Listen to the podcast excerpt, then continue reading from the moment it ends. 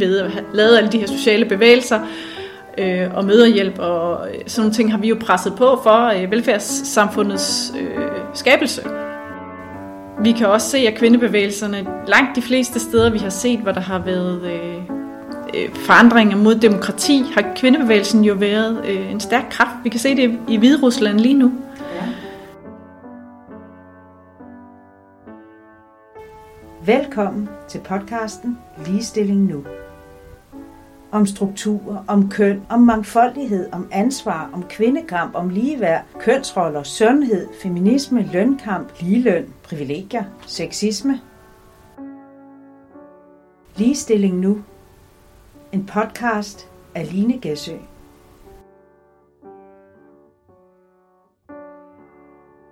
I dag er jeg taget til Kvinderådet, hvor jeg skal tale med direktør Lise Johansen. Kvinderådet er en paraplyorganisation for øh, en masse NGO'er, og vi dækker omkring øh, million kvinder. Det er også Kvinderådet, der er øh, repræsentant for kvinderne i de internationale sammenhænge, blandt andet i FN og i øh, den europæiske kvindelobby. Øh, tusind tak, fordi I måtte komme her til Kvinderådet. I dag der taler jeg med Lise, som er direktør i Kvinderådet. Vil du præsentere dig selv? Ja, jeg hedder Lise Johansen, og jeg er direktør i Kvinderådet. Og det har jeg været snart to år.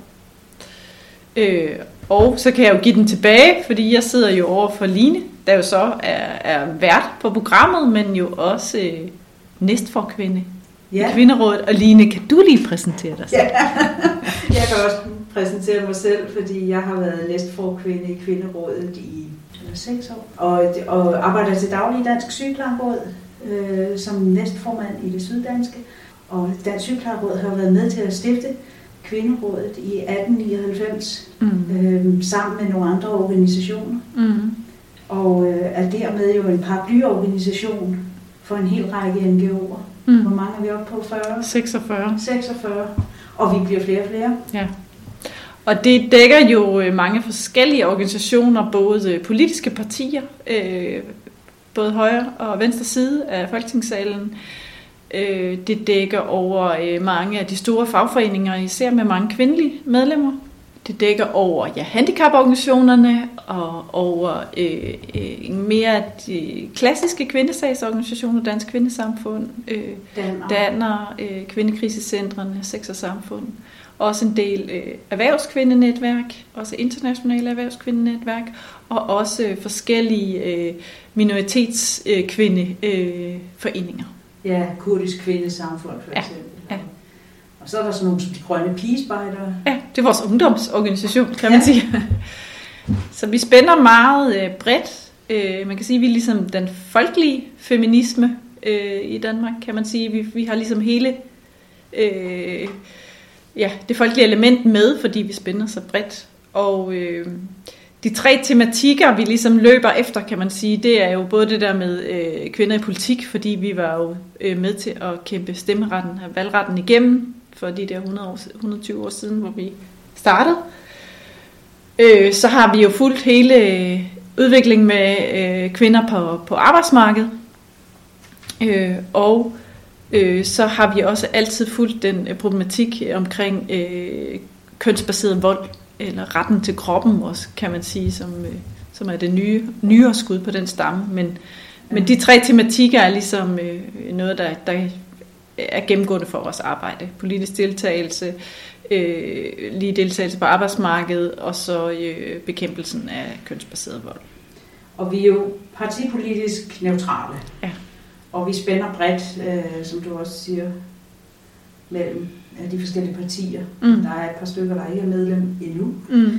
Men, øh, men ellers har vi jo øh, en, en god bredde i salen i hvert fald øh, med. Mm. Kan man ikke godt sige, at vi har vi tager sådan de lange kampe? Jo.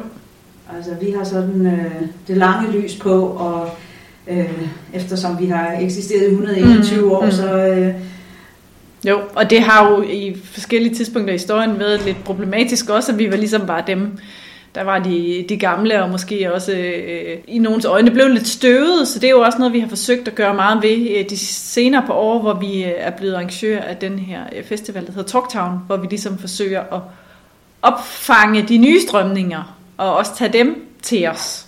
Og det er jo typisk også aktivister, der ikke er medlem af foreninger og, og agerer på den der gammeldags måde, kan man måske sige. Men nogen, der bare rigtig gerne øh, vil mere ligestilling og også fagne de mange nye strømninger, der er i forhold til, at kønsbegrebet er blevet bredere, og øh, at der ligesom er... Øh, ja, der er jo et væld af nye kampe, som vi er meget, som vi er meget optaget af, øh, og ligesom kunne, kunne byde ind på også. Så derfor er det en vigtig festival for os, at vi ligesom hele tiden holder fast i, i, i de nye ting også. Og vi sidder her omgivet af masser af, øh, af plakater fra Talktown, og jeg tager nogle billeder og lægger ud. Men Talktown giver jo sådan en platform eller en, en scene netop til de mere aktivistiske organisationer, fordi man kan sige, at Kvinderådet er jo ikke sådan en aktivistorganisation. Det kan godt være, at vi engang vil gå med til en enkelt demonstration eller to, mm. men det er jo ikke os i Kvinderådet, der ligesom driver den del af det. Ja, det, jeg tror i hvert fald, at nu var jeg jo ikke med for de år tilbage, hvor Talktown startede, men jeg tror at det har været en erkendelse af, at, at, øh, at det her det er en øh, dagsorden, der bobler og syder, især ude blandt unge. Og, øh, og vi har jo den svaghed, at vi står på den her tunge historie, og vi også, vores medlemmer er organisationer, og vi skal jo ligesom øh, kunne samle alle, så derfor, derfor er det ikke altid, vi, vi selv står allerforrest i kampen. Vi får mere øh, bagdelen med, kan man sige, ja. efterhånden. Men derfor er Talktown jo enormt vigtig for os, fordi at, øh, at øh, det er også der, hvor, hvor aktivisterne, vi giver taletid til dem, og at, øh, at vi ligesom på den måde også kan være på forkant hele tiden med, hvad, hvad der kommer, og også øh, øh, være, hvor det sker faktisk, samtidig med, vi, vi er tynget af historien også samtidig med. Ja, og Talktown er jo, øh, den har været årligt i København, men vi har også et par gange været på vest for Storebælt. Ja. øhm, og også ude i provinsen jo. Ja. Vi har været i Roskilde og i Odense og i Aarhus. Albertslund og ja, ja. kommer lidt ud, og så nogle, øh, nogle øh, mindre talks og, og, og sådan noget rundt omkring for at, ja. og ligesom øh, teste formen også ude i landet øh, ja. er jo også vigtigt. Og Talktown har faktisk også nogle podcasts. Ja. Jeg, øh, jeg sætter et link i øh, beskrivelsen her til den her podcast, så kan jeg linke til øh, Talktown podcastene, fordi de er nemlig også rigtig spændende. Ja. Hvis man vil dykke længere ned i det. Ja. Øhm, og der kan man jo sige, at det her år det har gjort, at vi har været nødt til at, at prøve andre metoder af for at, at få dialogen om ligestilling og feminisme. Ja. Vil du fortælle lidt om dig selv, Lise? Hvor, ja, det kan jeg godt. Hvad altså, af, og hvorfor ja, ja. sidder du her i dag? Ja. Før jeg kom til Kvinderådet, øh, arbejdede jeg 12 år i fagbevægelsen. Først i FOA og bagefter i LO. Og har ligesom haft øh, arbejdsmarkedsvinkelen med herinde i Kvinderådet. Og det har jo været øh, øh, barsel, hvor, hvor jeg jo blandt andet har siddet med i regeringsudvalget i 13 omkring øh, at øremærke til, til far. Og den er jo op igen. Det, ja. Der er meget déjà vu, når man arbejder med ligestilling. Og så øh, har jeg jo også arbejdet alle årene med, med lige løn. Øh, og det er jo også øh, en ongoing og unfinished business, kan man sige. Vi står i dag med et løngab på, på 14,5 procent. Og det løngab, det er faktisk faldet i perioden, jeg har arbejdet med ligeløn. Jeg ved ikke, om jeg kan tage æren for det. vi kan altså tage æren. ja. Men vi står jo stadigvæk med nogle massive udfordringer med, at det arbejde som kvinder udfører er øh, lavere værdisat end det øh, arbejde øh, mænd øh, i mandefagene, øh, det arbejde, man udfører der. Øh, og det er jo sådan en, øh, en en dagsorden, der, der bliver ved med at forfølge os, og det ved du jo også, når du arbejder i sygeplejerådet, at øh, selvom man arbejder i øh, funktioner, der er øh, kritiske for samfundet, og det øh, er vi i den grad vidne til lige nu med corona, selvom man står allerforrest til række og øh, risikerer sit øh, helbred og sundhed og har øh, en fantastisk uddannelse og står med enormt meget ansvar, så bliver det ikke belønnet øh, på samme måde, som, som det gør, i, hvis man arbejdede med øh, teknik og øh, motorolie og øh, øh, IT. Øh, det er jo en, en, en grund, grundlæggende uretfærdighed, øh, der knytter sig til køn, som ja. består man. Og, og også knytter sig til det kønsopdelte arbejdsmarked, ja. vi, vi har i Danmark. så, så kvindefagene, og det er jo især omsorgsfagene, mm. altså pædagogfag og øh, social- og sundhedsassistenter, øh, sygeplejersker osv., der, øh, der, der har de her, øh, det her store øh, løngab mm. til, øh, til andre fag, som jo egentlig øh, har en lige så lang uddannelse. Mm. Og, og det vi diskuterer er jo værdisættelsen af de her fag. Mm. Hvordan værdisætter man et fag? Mm. Hvad tænker du om det? Øh, jeg tænker, der er mange elementer øh, i det. Altså, vi har jo en ligelønslov, som, øh, som siger, at mænd og kvinder skal aflønnes lige for det samme arbejde, eller for arbejde, øh, der har samme værdi. Øh, og den øh, formulering har vi ladt stå sådan øh, lidt tomt lovgivning. Der er en enkelt bemærkning øh, til loven, hvor der siger, at øh, det her med arbejde af samme værdi skal stå, forstås øh, øh, samlet øh, ud fra kvalifikationer. Det er så ikke helt øh, sådan, man forstår det i andre lande for eksempel. Og den formulering med arbejde af samme værdi er, er en, vi blev tvunget til af EU at skrive ind, fordi i starten i Danmark, så havde man bare sagt, at øh, vi skal have lige løn for, for lige arbejde, eller samme arbejde. Øh, Øh, og så har man ladt den stå der velvidende, at, øh, eller jeg ved ikke om det var velvidende, men man havde i hvert fald ikke forskrevet anden del ind, som, øh, som ligger i ligelønsdirektivet fra EU, og det er, at det også er for arbejder samme værdi. Det blev man så tvunget til. EU øh, øh, måtte simpelthen påpege, øh, at, øh, at vi havde ikke implementeret ordentligt. Så det, det blev vi jo tvunget til øh, tilbage i 80'erne, tror jeg det var, at skrive arbejder samme værdi ind. Men vi undlod ligesom at og definere det på den måde, som man gør i EU og i mange andre lande. Og egentlig, hvis man går ned i, hvordan man, man ser det i, i EU-forståelse, så handler arbejde af samme værdi om stillingsindholdet, og ikke om folks kvalifikationer. Og det er faktisk interessant i en dansk sammenhæng, fordi vi har ikke særlig mange ligelønssager. Øh, og de falder tit på, at når man så har en mand og en kvinde, så kan man som arbejdsgiver nærmest altid bortforklare med, at manden han var også mere fleksibel, og, og så er den øh, sag ligesom lukket. Men det handler faktisk ikke om folks kvalifikationer, med mindre at det er skrevet ind som en nødvendighed i selve stillingen. Fordi man har jo ansat en mand og en kvinde til det samme arbejde typisk. Og hvis man så efterrationaliserer, så, så holder den sådan set ikke, hvis, i, i sådan, hvis man kiggede på den måde, som man i EU forstår arbejder samme værdi. Så vi skal ind og kigge på arbejdet, på stillingen og på, dens, øh, på de krav, der er til stillingen. Hvilke ansvar, hvilke belastning og hvilke øh, kvalifikationskrav er der til den Og ikke på personernes egenskaber som sådan, fordi hvis man har vurderet, at de var kvalificeret til den stilling med det stillingsindhold, så er de sådan set, øh, burde de få lige løn. Og hvis man nu gjorde det, det du foreslår her med at, at tolke loven anderledes, så ville man kunne køre nogle sager, nogle ligelønssager? Altså, vi, vi har jo haft få ligelønssager herhjemme, og vi har en fra, fra 2008, som nåede hele vejen til højesteret, og der får man faktisk slået fast, at det er stillingsindholdet. Og hvis man skal begynde at kigge på personernes kvalifikationer, i det her tilfælde var der nogen, der havde været tidligere ledere, jamen så skal man gøre det tydeligt skriftligt, at, at man har, det hedder rødcirklet, det man sagt, at okay, I får den gamle løn med, og det er derfor, I har højere løn. Det, det havde man ikke gjort så bevidst her. Det vil sige, hvis, hvis der er nogle særlige forhold med, med manden, der gør, at man lønner ham øh, højere, så skal det jo naturligvis ned på skrift, så man har det, og ikke bagefter kan efterrationalisere på de her ting. Så hvis man havde sådan en meget klar opfattelse af herhjemme, at det var sådan, man opfattede arbejder samme værdi, så er jeg sikker på, at man kunne køre flere sager. Ja. Øhm, men det, der også er interessant ved det her med arbejdets værdi, er jo også, at man kan overføre det på fag. Altså hvis vi så kigger på, og det har man jo tidligere prøvet, også dengang vi havde en lønkommission i Danmark, så gjorde de jo spæde forsøg på at kigge på arbejdets værdi også på forskellige fag. Det har ja. man også prøvet i andre lande, med det, der hedder jobvurdering, hvor man simpelthen vurderer jobbene for ligesom at få en fornemmelse af deres værdi. Og der kigger man jo så på øh, arbejdets art, belastning, øh, krav til, til uddannelse, og sådan nogle neutrale ja. faktorer. Der, Uddannelseslængde måske? Ja, ja. ja. Det handler jo både om ja, uddannelse, krav til stillingen, men det handler også om stillings, altså om ansvaret, man har i stilling. Ja. Det handler om belastning øh, ja.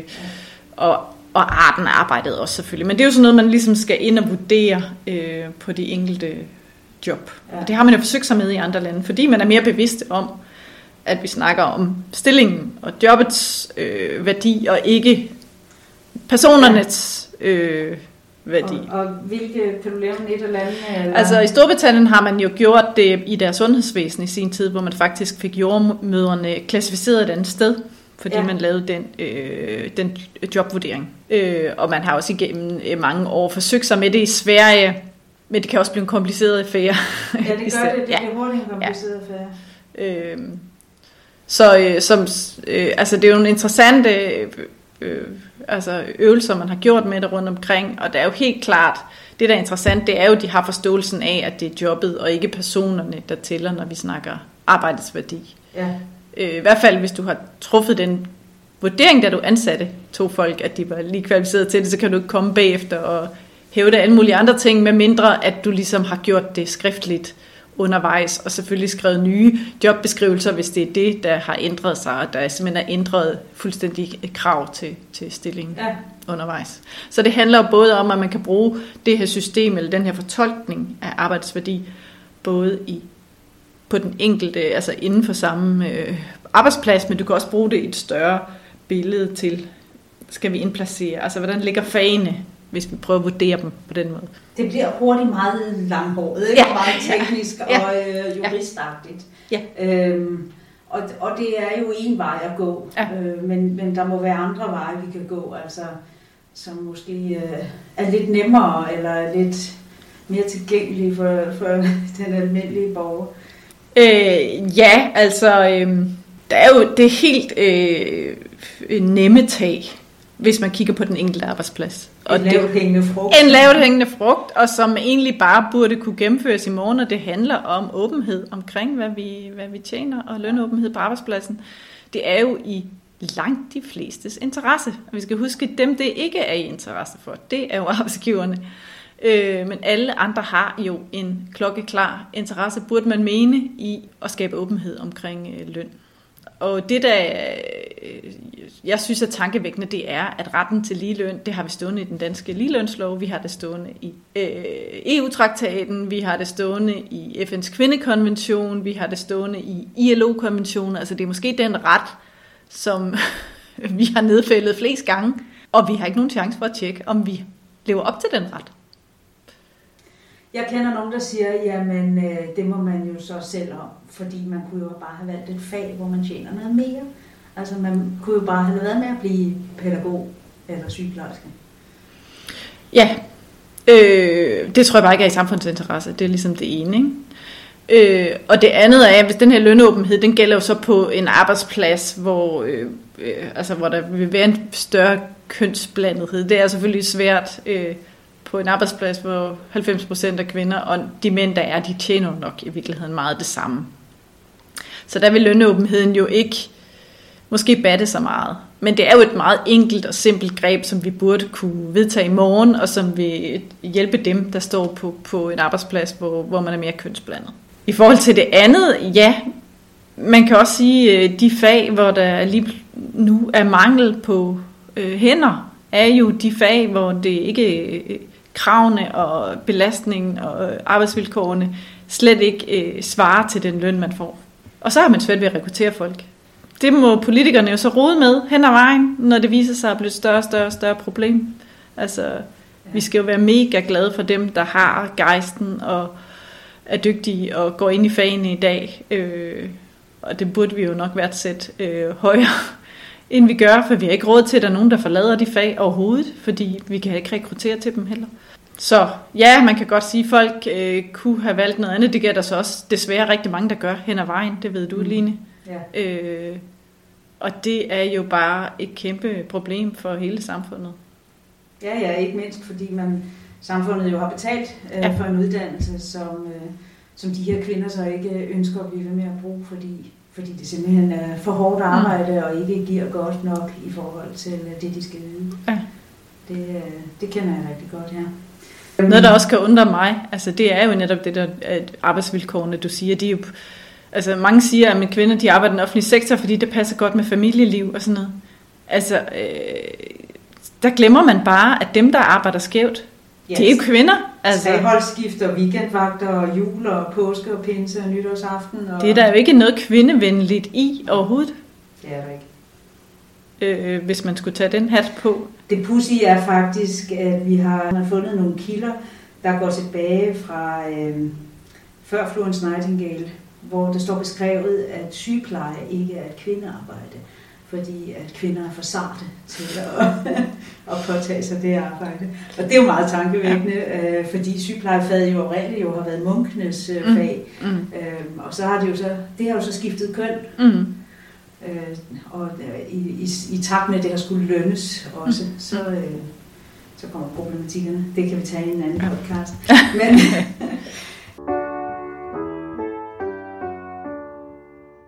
et af de øh, steder, hvor man kan sige, at vi har, øh, vi har lykkedes med at ændre noget lovgivning for at få mere ligestilling, det er jo på voldtægtsområdet. Ja. Øh, vi er jo i gang med at få en samtykke yes. lov, ja. og det er en kæmpe sejr for, øh, for kvinder, for ligestillingen. Det er også en sejr for mænd, for, mm. for så vidt. Vil du, vil du beskrive noget af det arbejde, der har været omkring det? Ja, altså øh, nu er jeg jo, har jo kun været her i to år, så jeg har fulgt de sidste to års kamp øh, for en, øh, en ny voldtægtslovgivning.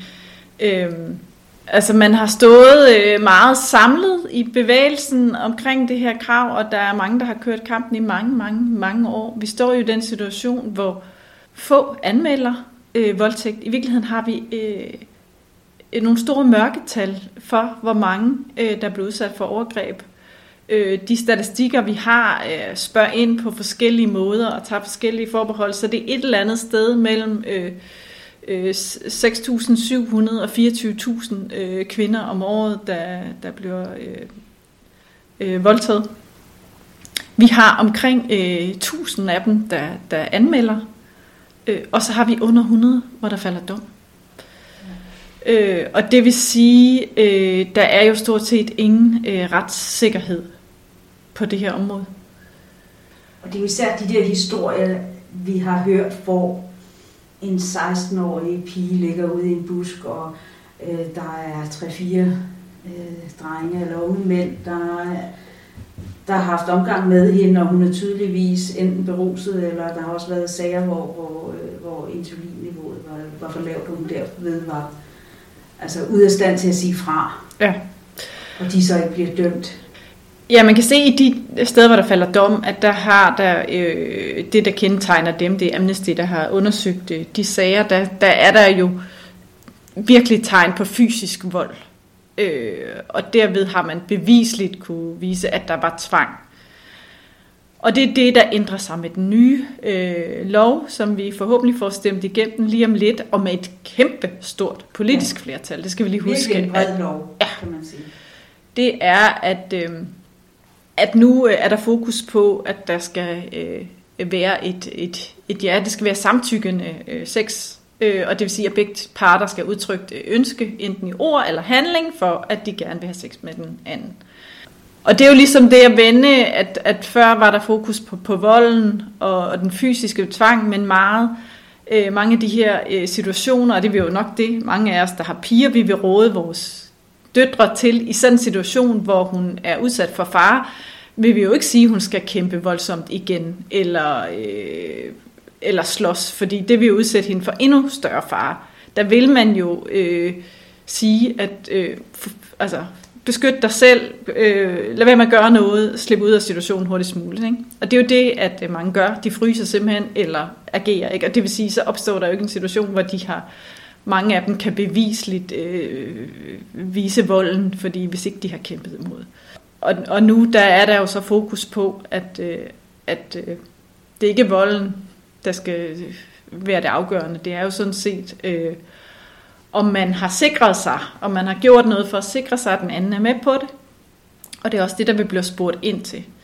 Og der er jo meget diskuteret, hvor mange flere domme, der vil falde i, i sådan nogle sager, men der er jo i hvert fald øh, hele det nye perspektiv, der hedder, at begge har ligesom et ansvar for at sikre sig, at, at den anden er med på det. Og det betyder, at det bliver en helt anden øh, udspørgen, der sker i retten, og det er tit også det, der er traumatiserende for mange af de her kvinder. Det er jo hele mistænkeliggørelsen, hele øh, at der blev optravlet deres øh, øh, egen seksuelle historie, hvad de havde på, og alle sådan nogle ting, og det er sådan set sagen uvedkommende. Det er jo, at har begge parter gjort, hvad de kunne, Ja. og de blev spurgt ind til det for at sikre sig, at den anden øh, gerne vil. Og det her er jo et af de områder på ligestillingen, som virkelig er en af de lange kampe. Ikke? Man Mm. kan sige, lige om lidt, når den er stemt igennem, og det bliver den, det kan vi jo se netop, fordi der er bred opbakning øh, Mm. fra begge sider af salen. Det, det er en, en stor sejr for, Mm. øh, for hele kvindebevægelsen. Ja. Man kan også sige, at det viser endnu en gang øh, også vigtigheden af internationale konventioner. Øh, fordi at øh, det sidste skub, der ligesom øh, skulle til i den her kamp, var jo også, at Danmark har underskrevet Istanbul-konventionen, som er Europarådets øh, konvention om bekæmpelse af vold mod kvinder, hvor det er tydeligt, at, øh, at øh, sex kræver samtykke, øh, Ja. og ellers er det voldtægt. Og vi havde skrevet under på den og skulle implementere den, og politikerne prøvede første omgang at sige, det har vi implementeret, men der måtte vi simpelthen holde fast i, det har vi ikke. Vi har ikke en samtykkebaseret øh, voldtægtslovgivning.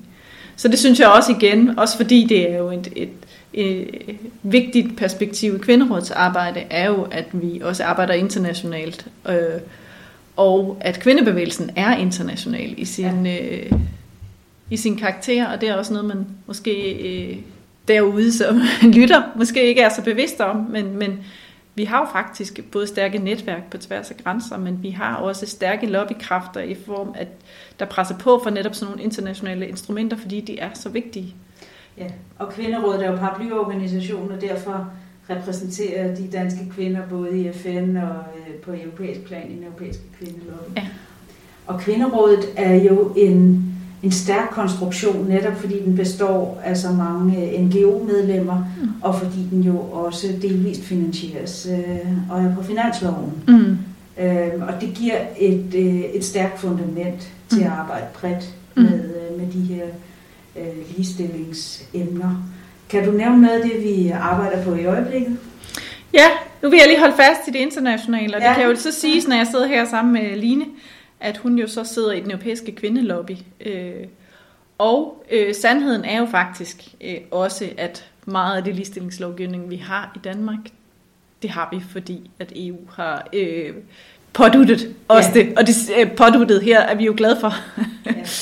Ja. øh, og det handler jo både om øh, ligelønslovgivningen, øh, det handler om ligebehandlingsdirektivet, det handler om øh, senest barsel, og det er en af de ting, som ligger på vores skrivebord nu, det er jo, at EU sidste år, øh, medlemslandene blev enige om, at øh, et nyt overlovsdirektiv, der øremærker øh, to måneders overlov til fædre, og det skal Danmark jo have implementeret, og det øh, er vi gået meget aktivt ind i, hvordan at, at vi mener, det bedst bliver implementeret, så vi øh, forældrene er så ligestillede som muligt.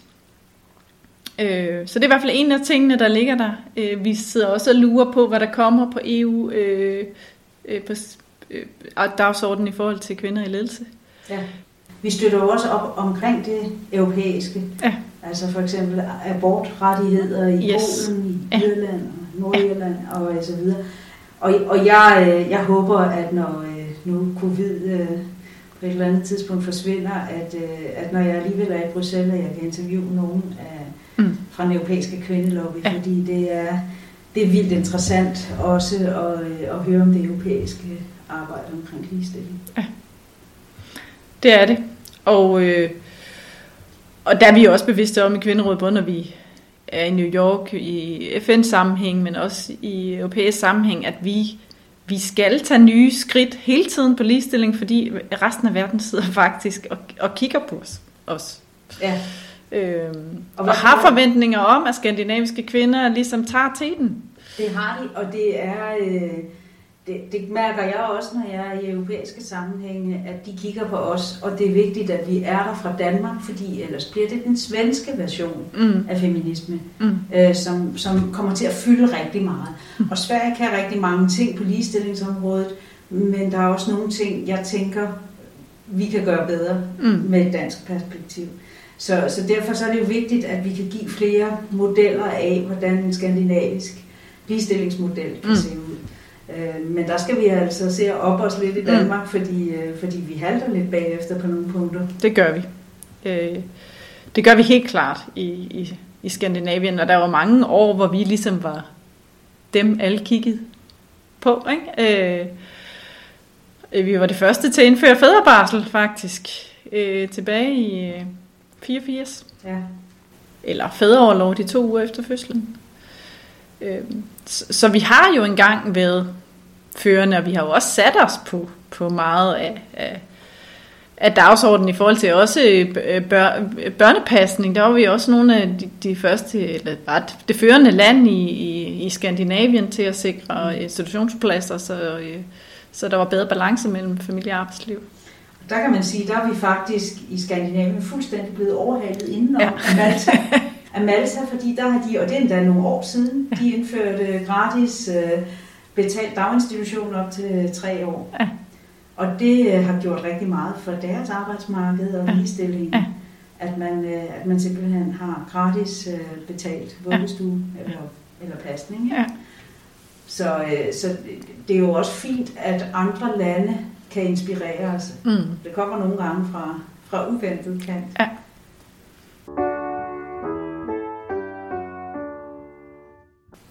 Helt sikkert. Så har vi nogle projekter i Ægypten, DAP og så videre. Vil du fortælle lidt om det? Øh, ja, øh, vi har projekter i både Marokko og Ægypten. Øh, og øh, det har vi under det arabiske øh, partnerskabsprogram.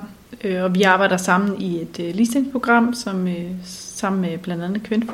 Og vi har sådan set, så langt jeg kan spore tilbage i historien, været aktiv også med søsterorganisationer i, i andre lande og lavet projekter.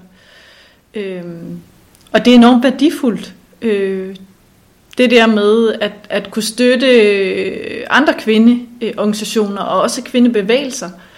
Fordi at... Øh, man kan jo se, og det kender vi jo fra vores egen historie, at kvinder har organiseret sig, når der har været et akut øh, behov for en eller anden en nødvendighed øh, i det lokale. Altså, øh, man organiserede sig i fagforeninger jo, da man ligesom øh, ikke blev lukket ind i mændenes, men havde behov for, at der blev lavet ordentlige øh, løn- og arbejdsvilkår.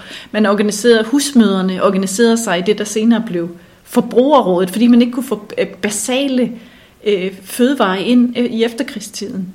Altså det var sådan helt basale øh, behov, også for børnepasning og sådan noget, man har, og mødrehjælp og sådan noget, fordi at der har været et helt akut og basalt behov, og så har kvinder organiseret sig. Og, det, og derfor sidder vi med for eksempel i bestyrelsen i Forbrugerrådet, ja. fordi vi har været med, øh, ja. med til at oprette ja. det. Ja. Og vi kan se de samme øh, mekanismer i andre lande, øh, og det vil sige, ved at støtte kvindebevægelser, så støtter man jo også noget øh, meget, øh, øh, altså de fattigste, kan man sige. Der var behovene er, er allerstørst, og tit også en helt lokale behov, man kan, man kan hjælpe med og, og øh, til gode se. Øh.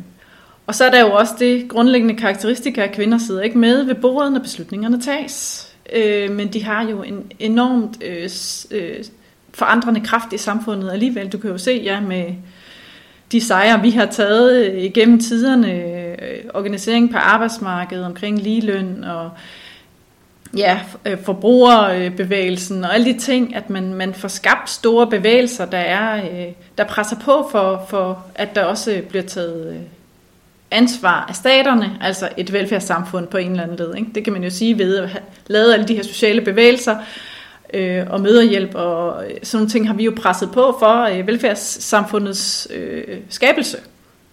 Og det kan man jo også, øh, ved at støtte kvindebevægelser i andre lande, er det jo også sådan nogle bevægelser, man er med til at støtte.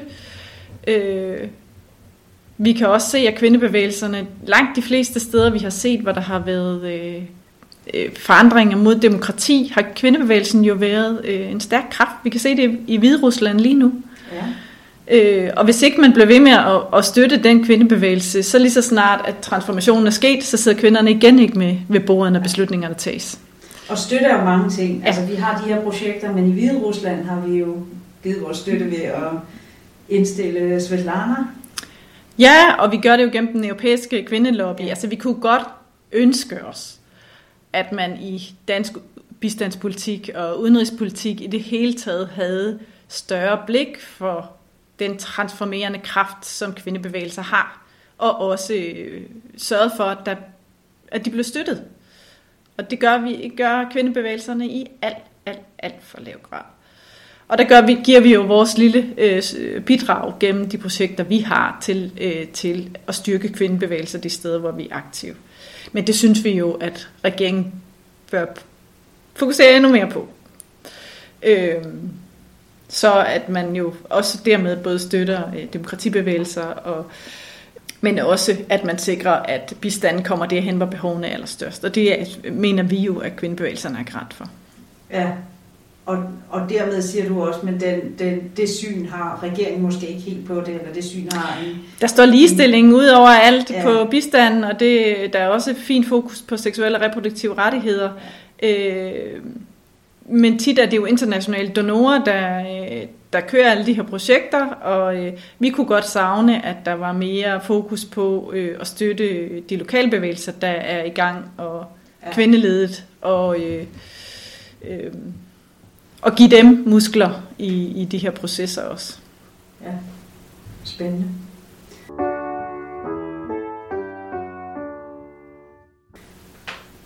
Og hvad tænker du, vi skal kaste os over fremover? Hvad har vi, hvad har vi i pipelinen nu, øh, nu altså lige, 2021? Så, ja, og lige nu står vi jo i et momentum, der ikke er set ja. før i rigtig, rigtig, rigtig, rigtig mange år.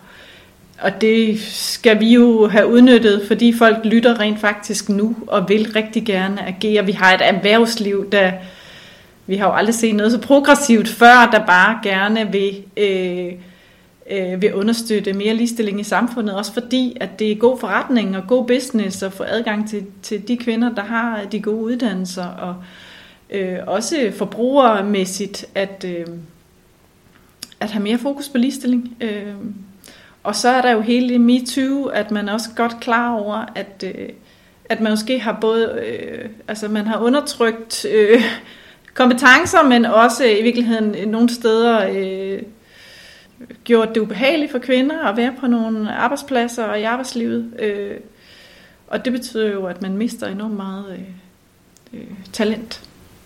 Ja. Så der er en masse dagsordner, der hænger sammen, og MeToo har bare øh, øh, forstærket den der interesse, øh, og også blik for, at, øh, at vi bliver nødt til at have begge køn med, og der er en magtubalance lige nu, som, øh, som gør, at vi ikke får udnyttet det talent, som kvinderne repræsenterer. Ja, og det, øh, det kan man sige, det lider jo hele samfundet til skade. Mm. Altså, det, er, det er jo cool cash, kan man ja. sige. Ja. Så, øh, så jeg tænker, at kvinderådet, det er jo at, at holde gang i samtalen. Altså, øh, fordi der sker mange spændende ting lige nu. Vi har også med Talktown mulighed for at, at åbne den samtale for flere mennesker, der er nysgerrige på, hvad vi kan gøre. Øhm, og gerne vil øh, lære mere om hele det her øh, område. Vi har jo lidt under i mange år, at øh, måske omkring halvdelen af befolkningen, synes jeg, at set i undersøgelser, mener, at øh, vi har ligestilling, og endda nogen mener også, at det er gået for vidt. Og det vil sige, at så har vi jo slet ikke haft deres ører på noget tidspunkt for øh, alle de problemer, vi har set med vores briller. Og det, det har bare ændret sig nu. Så, øh, ja. Der er nok flere, der lytter nu. Og der er flere, der ringer, skal jeg lige hilse at sige. Okay. Ej, vi har godt nok, øh, ja. vi har travlt i kvinderådet nu. Og det, er det efter Sofie Linde? Det er efter Sofie Linde. Ja. Vi har selvfølgelig godt kunne se det her komme, fordi vi har haft Talktown i alle de år. Vi kan se de unge angriber det her på en helt anden måde. Det kan vi også se i Kvinderådets styrelse, når vi får unge repræsentanter ind. De, de, altså, de ser jo på de her ting på en helt anden måde. Altså, de, altså, øh, de har en helt anden umiddelbarhed øh, til nogle af de her problemstillinger. Altså, øh, og det, det har vi også kunne se på Talktown, at, at interessen blandt de unge er jo øh, rigtig, rigtig, rigtig stor, og de angriber det på andre måder. Det kan vi også se med en blandt os og MeToo, at øh, de tager de kampe, vi andre har fundet os i. Altså, øh, mega sejt. Altså, ja. Mega sejt. Altså, du tænker ikke, at der er den store offermentalitet? Nej, jeg tænker, der er den store øh, empowerment-mentalitet. Altså, ja. Det er bare wow. fordi, nogle gange hører man i debatten, at vi skal lade være med at være ofre ja. øh, som kvinder. Men det er ikke det, vi ser.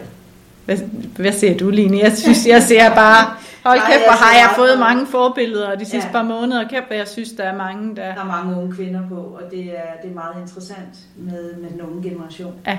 Og også unge mænd for den sags Ja. skyld, som heller ikke gider finde sig i de manderoller, der, er, Nej. der har været alt for stereotype. Ja. Og det har ikke noget at gøre med seksualitet eller øh, altså seksuel orientering. Mm. Det har noget at gøre med, at øh, de gider bare ikke. Det Ja. er de manderoller, der findes. Ja. Så, så jeg tror også, der, der kommer til at ske rigtig meget på det her område. Ja. Også hos mændene. Ja. Og det, det hjælper kvinderne. Og det er jo mega fedt. Altså, det er jo, det er jo en ny kamp, øh, der er kommet ud af den kamp, vi har taget. Ikke? Det bliver overbygningen, og, det- og det er jo det, der, der glæder, nu vil jeg ikke sige mig selv, som, jeg ser ikke mig selv som en gammel feminist, men jeg, altså, jeg ser helt klart en, en nyudvikling af, af, af den Ja. feministiske kamp, som jeg bare glæder mig rigtig, rigtig, rigtig meget over. Altså vi to står sådan lige midt imellem 68 Ja. ja. kvinderne, og så de nye feminister, der kommer. Ja. Og det er jo ikke en firebølge feminisme, det er jo ikke det, vi taler om, som vi talte om for nogle år siden. Det Nej. er jo ligesom en anden empowerment hos de unge. Ja.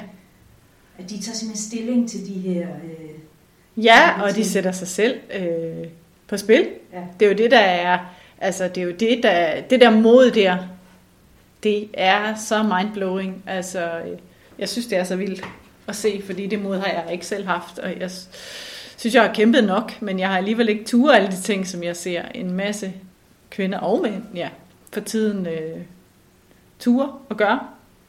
Mega sejt. Ja. Så det er så langt fra offer, som noget som overhovedet kan være, men man kan sige, offer øh, retorikken er jo også bare en måde at få lukket munden på kvinder, øh, og har været det gennem mange år. Ikke? Det sidste, man vil være, er jo offer. Øh, så det skal man jo også bare vide, og det ved man jo, når man har været i debatten i mange år.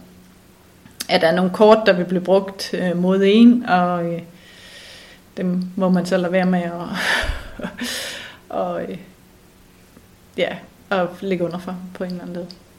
Så hvad tænker du, der skal til for, at vi får reel ligestilling i Danmark? Øh, ja, men må hellere lade være med at sige, at det sker af sig selv, ikke?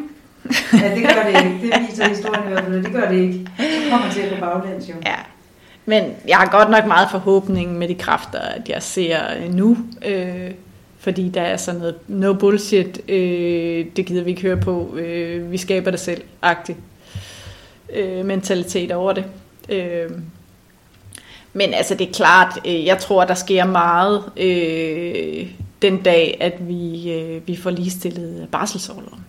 Ja, Ja, fordi at øh, der vil der ske en anden dynamik i, øh, i familierne. Man kan se, at mænd og kvinders veje, de deles jo i høj grad, øh, når de bliver farmor og børn.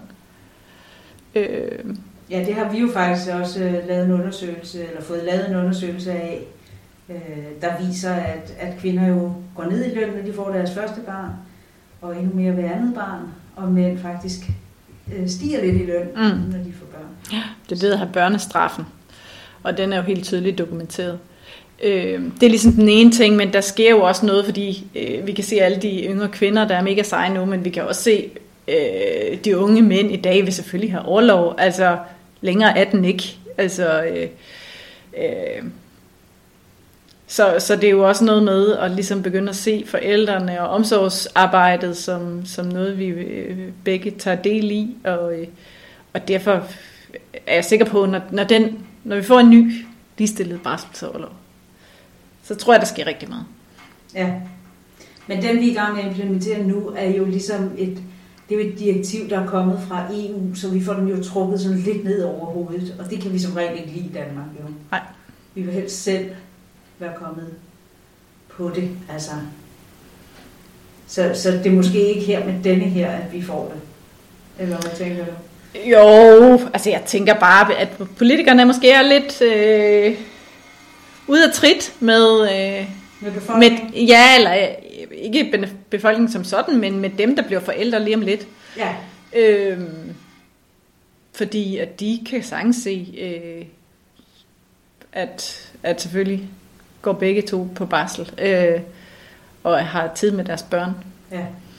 Så jeg tror da, at jeg tror, det vil glide meget let igennem den gang, den dag, at vi står med sådan en øh, ny øh, barselsmodel. Ja. Jeg tror ikke, at der vil være stor øh, modstand eller noget. Jeg tror, at det bliver new normal dagen efter.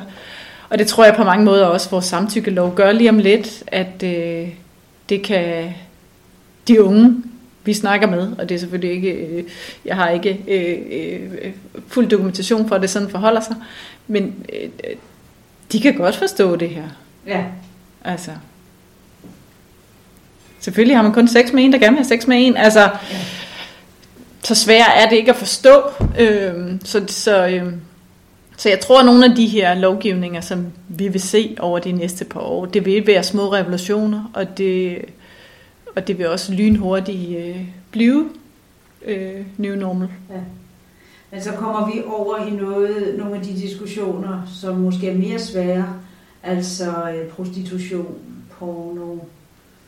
Altså, øh, det, det er jo lidt noget af det, der også skiller vandene i Danmark, ikke? Mm. Øh, øh, altså jeg tænker, handlede kvinder, det skiller nok ikke vandene. Nej. Det tænker jeg, det der er en bred del af befolkningen, der mm. synes er noget værre noget. Men, men når vi er over i, i prostitution og så videre, der har vi jo for vores blik mm. fra kvinderådet jo ikke ligestilling, det er jo udnyttelse af de her kvinder, mm. men, men, men det er ikke sådan samfundet ser, så der er jo noget vej ja. nu den vej. Ja, og der vil også, der, der det er jo sådan nogle øh, debatter, vi følger meget på Talktown, fordi at, øh, der kan vi også se øh, både, at der er meget forskellige holdninger, men også, at øh, vi har en generation, der vokser op med, øh, med adgang til flere ting på nettet, og også flere måder at øh, iscenesætte sig selv på, og også øh, med en mere liberal forståelse af øh, sexarbejde og sådan nogle ting. Øh, så det, det er noget, jeg tænker, det, det, øh, det er jo noget, hvor man, øh, hvor vi også skal have nogle drøftelser de næste par år. Man kommer dog ikke udenom, når vi snakker prostitution, at det er et øh, globalt marked. Ja, og det er svært at komme til livs uden EU. Ja. Det er det, fordi det, er, øh, det foregår hen ja. over grænserne. Ja. Og, og det kan vi nok ikke selv i Danmark. Der er vi nødt til at få lavet nogle aftaler på tværs. Ja, og man kan sige, at man kan have en liberal forståelse herhjemme, at mange kvinder gør det, øh, fordi ja, de føler sig frigjorte ja. og alt muligt andet, og det kan der være rigtig meget ræson i, men det øjeblik, du har en fra et tredje verden, eller ja. der ikke har et system at falde tilbage på, eller et velfærdssystem eller sådan noget, der, der er det jo en anden sag, der er det udnyttelse på en anden måde. Ja. Og, og vi kan se, at... Øh, de fleste øh, øh, i øh, ja, sårbare på det område, det er jo udenlandske øh, ja. Øh, kvinder. Og, og, og der må man jo ind og kigge på, øh, hvad gør man sammen i Europa for eksempel, eller i verden på det her område.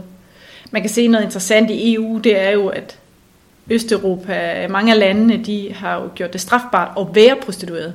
Og lige over på den anden side af grænsen, så øh, er det fuldstændig liberale markeder med, hvor det er tilladt at føre bordeldrift og alt muligt andet.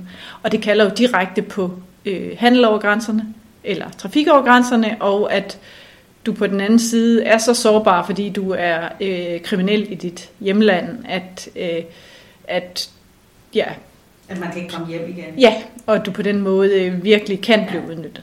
Så der er jo i hvert fald et hjemmearbejde for, for EU med at finde en eller anden form for øh, regulering, så man ikke ser den der trafik, øh, grænseoverskridende øh, ja. trafik. Øh, og det kan man jo lave på alle mulige andre måder, for eksempel øh, på transportområdet, alt muligt laver man jo fin meget regulering i EU. Ja. Og her har du for alvor nogen, der på, i den grad er sårbare. Øh, øh, som man skal beskytte langt bedre. Øh. Så, øh, så ja, vi, vi ser det som et anlæggende for EU, og vi vil også rigtig gerne rykke meget på det øh, på europæisk plan. Ja. ja, er der noget, du øh, synes, vi mangler at komme ind på? Ja, altså der er jo mange, øh, der jo har det lidt svært med det der med, at vi er kvinder, og kun kvinder i, øh, i styrelsen for eksempel. Ja, vi har jo det hører jeg tit. mand med. Ja, ja, og det er jo heller ikke sådan, at det ikke er muligt. Vi er jo sådan set på alle vores repræsentantskabsmøder, der er mange mænd til stede, og øh, grunden til, at vi ligesom øh, holder fast i kvinderådet, det er jo både den internationale solidaritet, tænker jeg, med kvindebevægelser rundt omkring i verden. Øh, det er jo også vores historie.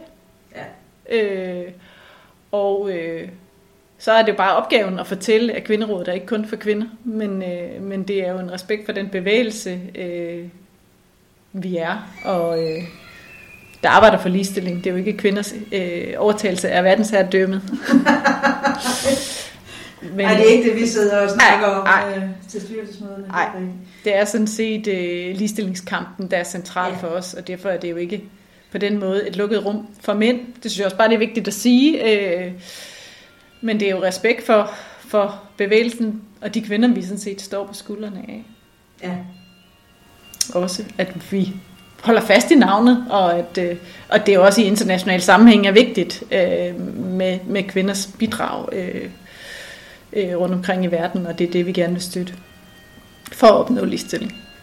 Ja. Altså fordi noget af det, der ligesom blev snakket om i de internationale NGO'er og sådan noget nu, det er jo det der med feministisk ledelse. Ja. Øhm, og jeg synes, vi har et kæmpe øh, bidrag også med den danske arbejdsmarkedsmodel på den, fordi ja. det handler jo om at en magtanalyse. Det handler om at se øh, både sig selv, sin egen position i organisationen, og dem, der ikke har så meget magt. Hvordan giver man, man kan selvfølgelig aldrig udligne på magt, men man kan være bevidst om sin egen privilegier, sin egen position, og så give dem, der ikke har magten, mere magt. Øh, ja. Der, hvor man ligesom har mulighed for at gøre det. Ja. Og det gør vi jo i den danske model. Vi giver dem en tillidsrepræsentant, og hvis der er konflikt, så løfter man konflikten ud af organisationen, og så er man fuldstændig magt ligestillet arbejdsgiver og tillidsrepræsentant. Det er enormt feministisk. Ja. Øh, mega interessant. Øh, men den der tillidsrepræsentant bliver enormt vigtig i en feministisk øh, verden på en eller anden led, fordi det er din ven jo. Ja. Øh, og det er også det, tillidsrepræsentanter skal forstå, øh, at øh, prøv at høre, øh, vi skal ikke altid være venner med, altså de har jo balancen i forvejen med at være med, øh, venner med ledelsen og få de gode resultater, men i virkeligheden, man skal jo vide, at man er den, der giver magten til medlemmerne. Ja. Dem, der ikke har magten på lige fod, er man med til at, at bemægtige, ikke? Jo. Tusind tak, fordi jeg måtte komme, Lise. Jamen, øh, tak fordi jeg måtte være med. Det var spændende. Ja.